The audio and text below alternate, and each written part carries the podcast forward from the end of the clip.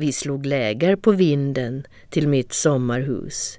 Där hade vi skydd för vindar, uvar, örnar och rävar. Och där övade vi oss i jamande. Panter berättade världens kusligaste historier från Sydamerikas djupaste djunglar om ormar, krokodiler och kattätande växter. Ibland var historierna så hemska att jag längtade hem till min blå länstol i stan. Men sen tänkte jag på vildgranarna och deras sorg och då beslöt jag mig för att stanna kvar, vad som än hände. Från vår vind har man utsikt över hela sommarlandet så vi kunde speja därifrån. Natt och dag turades vi om. Och så en dag hände det. Spejarkatten jamade och vi såg ett gäng granfällare komma intravande i vår skog. I ena handen bar de en såg och i den andra en yxa.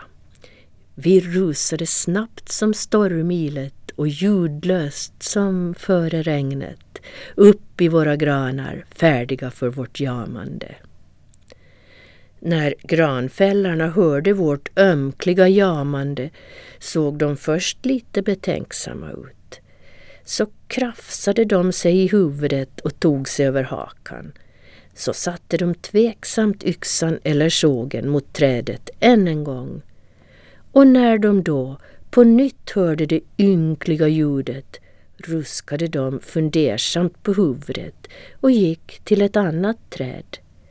Så där höll de på ända tills de kom till ett som ville bli julgran.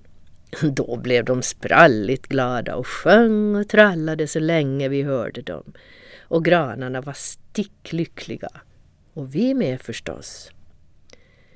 Just då vi drog en lättnadens suck över att allt var över dök en stor och stöddig granfällare upp. Rätt i ett av mina trän travade han. Han måtte ha sett ut det på förhand. Det var mitt käraste träd, för där brukade flöjtan sitta och sjunga. När granfällan satte sågen mot det jamade jag så ömkligt och hjärtslitande jag bara kunde. Men han verkade inte ens höra. Då gav jag upp ett så grymt och hedniskt jam att raggen reste sig på mig. Men den stöddiga typen låtsades som ingenting. Jag gav signal till de andra katterna och vi stämde upp alla på en gång i ett ljud som borde ha skurit sönder hans öron. Men nej, han inte ens tittade sig omkring. Kasta någonting på honom, han kanske är döv, hörde jag Fia jama från vinden. Jag nickade och rafsade i ett höj ihop några nävar torra granbär och slängde ner över honom. Jag tänkte att han kanske skulle tro att granen redan var död och därför inte var någonting att ta. Men han bara ruskade på sig. Jag vred mina tassar i förtvivlan och då tappade jag taget om grenen jag satt på och ramlade ner rätt framför granfällan. Han sparkade efter mig och svor och måttade ett fruktansvärt slag mot vildgranen. I samma sekund kom en virvelvind framdansande. Svart som rymdens svartaste hål var den och snabb som geparden. I ett höj tog den tag i granfällan och lyfte upp honom högt, högt i luften och seglade iväg med honom ända ut till Lågskär. Granfällan skrek och gormade. Jag gnuggade mig i ögonen och trodde att jag drömde. Vildgranen skrattade så grenarna svajade. Puh, hörde jag Panters röst bredvid mig. Det var nära ögat. Panter, var det du? Hur gjorde du? Vad hände? Då berättade Panter att han för säkerhets skull hade sökt upp vindarnas krater på månen och fått med sig en liten ask med några trombungar i. Så sa han att det var därför han kommit så sent. Vad är vindarnas krater? frågade jag. Och var? Och vad är en trombunge? Är det samma som en kneiper? Vindarnas krater? Det är vindarnas hem. Det finns på månen. Dit drar vindarna sig tillbaka när de är trötta på allt blåsande och behöver hämta nya krafter. Jag berättade för dem hur vi skulle rädda vildgranar. De susade gillande. Men sen sa jag att alla granfällare kanske inte skulle bli rädda för vårt jamande.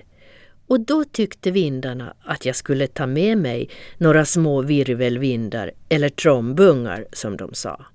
Och så fick jag en ask. Här, titta!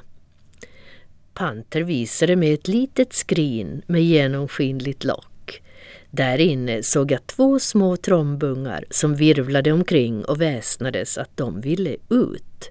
Ut och blåsa bort gubbar som tänkte fälla vildgranar. Att de inte alls ville tillbaka hem till kratern och sitta stilla igen. Panter krafsade sig i huvudet och sa att det inte fanns några fler granfällare som behövde virvlas bort och att han fått låna ungarna just för att hjälpa granarna.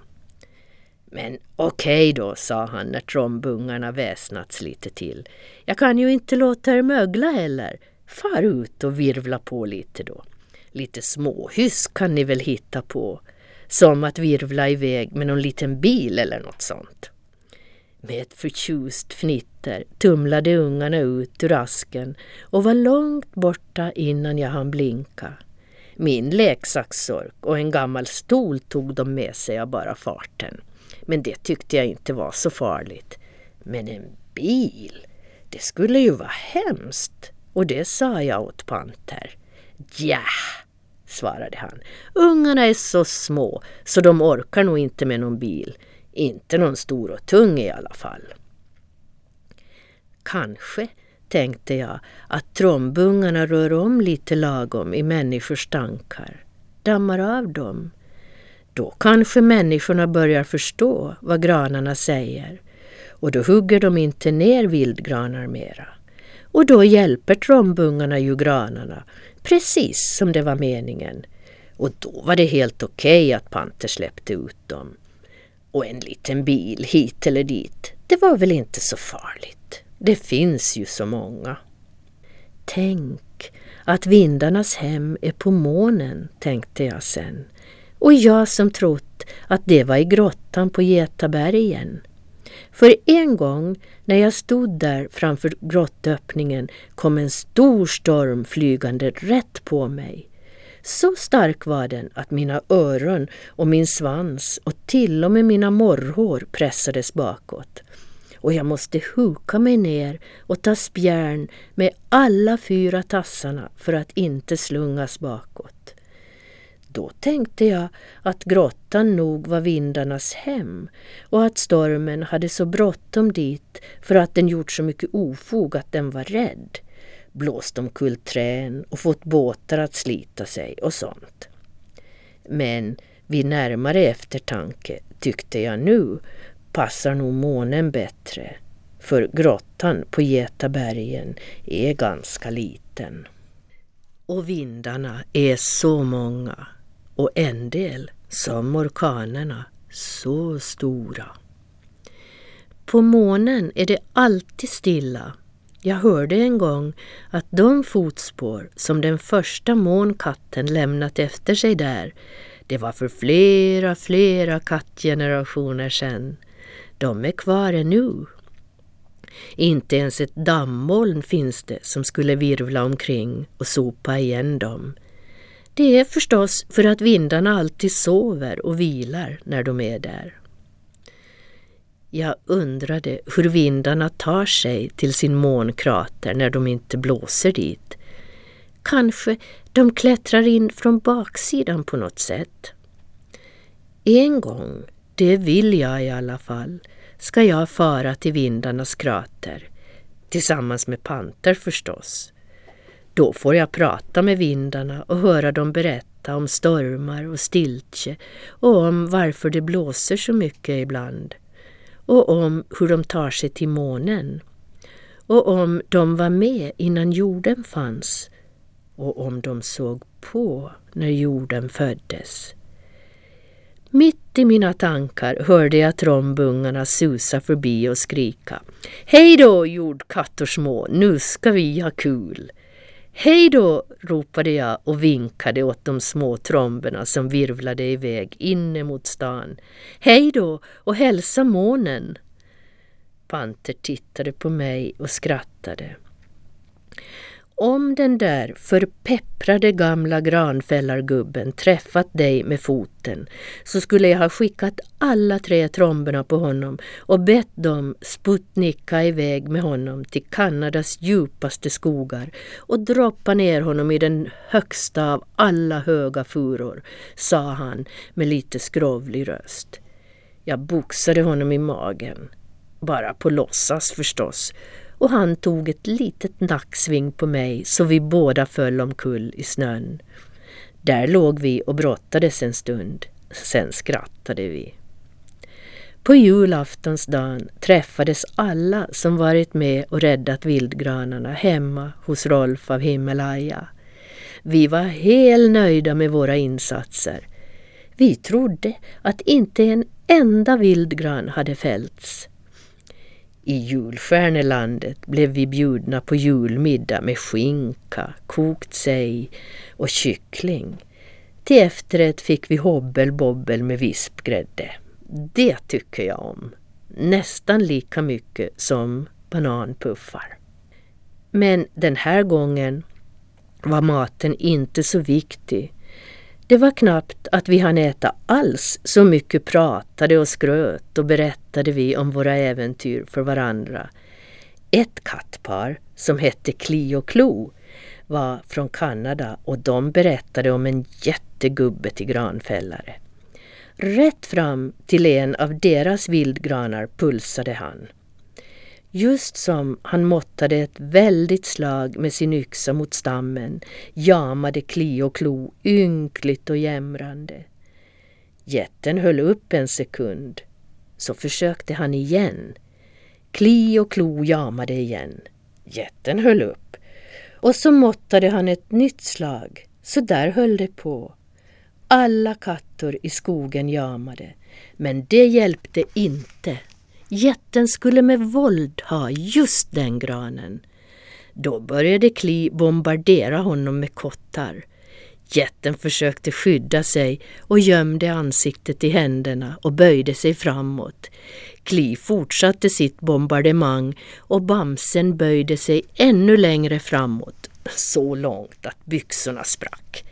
Då skuttade Klo ner från trädet och kramade en stor lös snöboll och kastade den rätt i baken på jätten. Då började jätten skrika Jag ger mig, jag ger mig! Och så satte han iväg det fortaste han kunde med händerna över baken. Himmel vad vi skrattade när Kli och Klo berättat färdigt. Till och med Rolf av Himmelaja skrattade så magen hoppade. Oj, oj, pustade han och torkade sig i ansiktet med en stor röd näsduk. Så här roligt har jag inte haft sedan jag skrämde karampiska med en leksaksmus. Det måste jag berätta om en gång. Vi sa ingenting om trombungarna, för det ville inte Panter. Det är din och min hemlighet, sa han. Och hemligheter får man inte berätta för någon, för då är de inga hemligheter mera. Det är sant förstås. Och jag tänkte att man måste få ha hemligheter med någon för då kan man alltid tänka på dem när man är ensam. De liksom håller en sällskap och då känner man sig inte ensam. Så är det för mig i alla fall. När vi ätit och pratat och skrattat färdigt for vi hem i fullmånens sken. Vi var mätta och belåtna och hade den där sköna känslan man får när man lyckats med någonting stort och viktigt. Det där som gör att man vill ta hela världen i famn och dansa omkring med den bland stjärnorna. Hej då, ropade Fia och vinkade. Jag tar den här vägen. Vi ses i sommar. Och iväg jätade hon med skrattet porlande efter sig. Just när Panter och jag kom inseglande över jorden hörde jag ett förunderligt ljud. Aldrig har jag hört något liknande.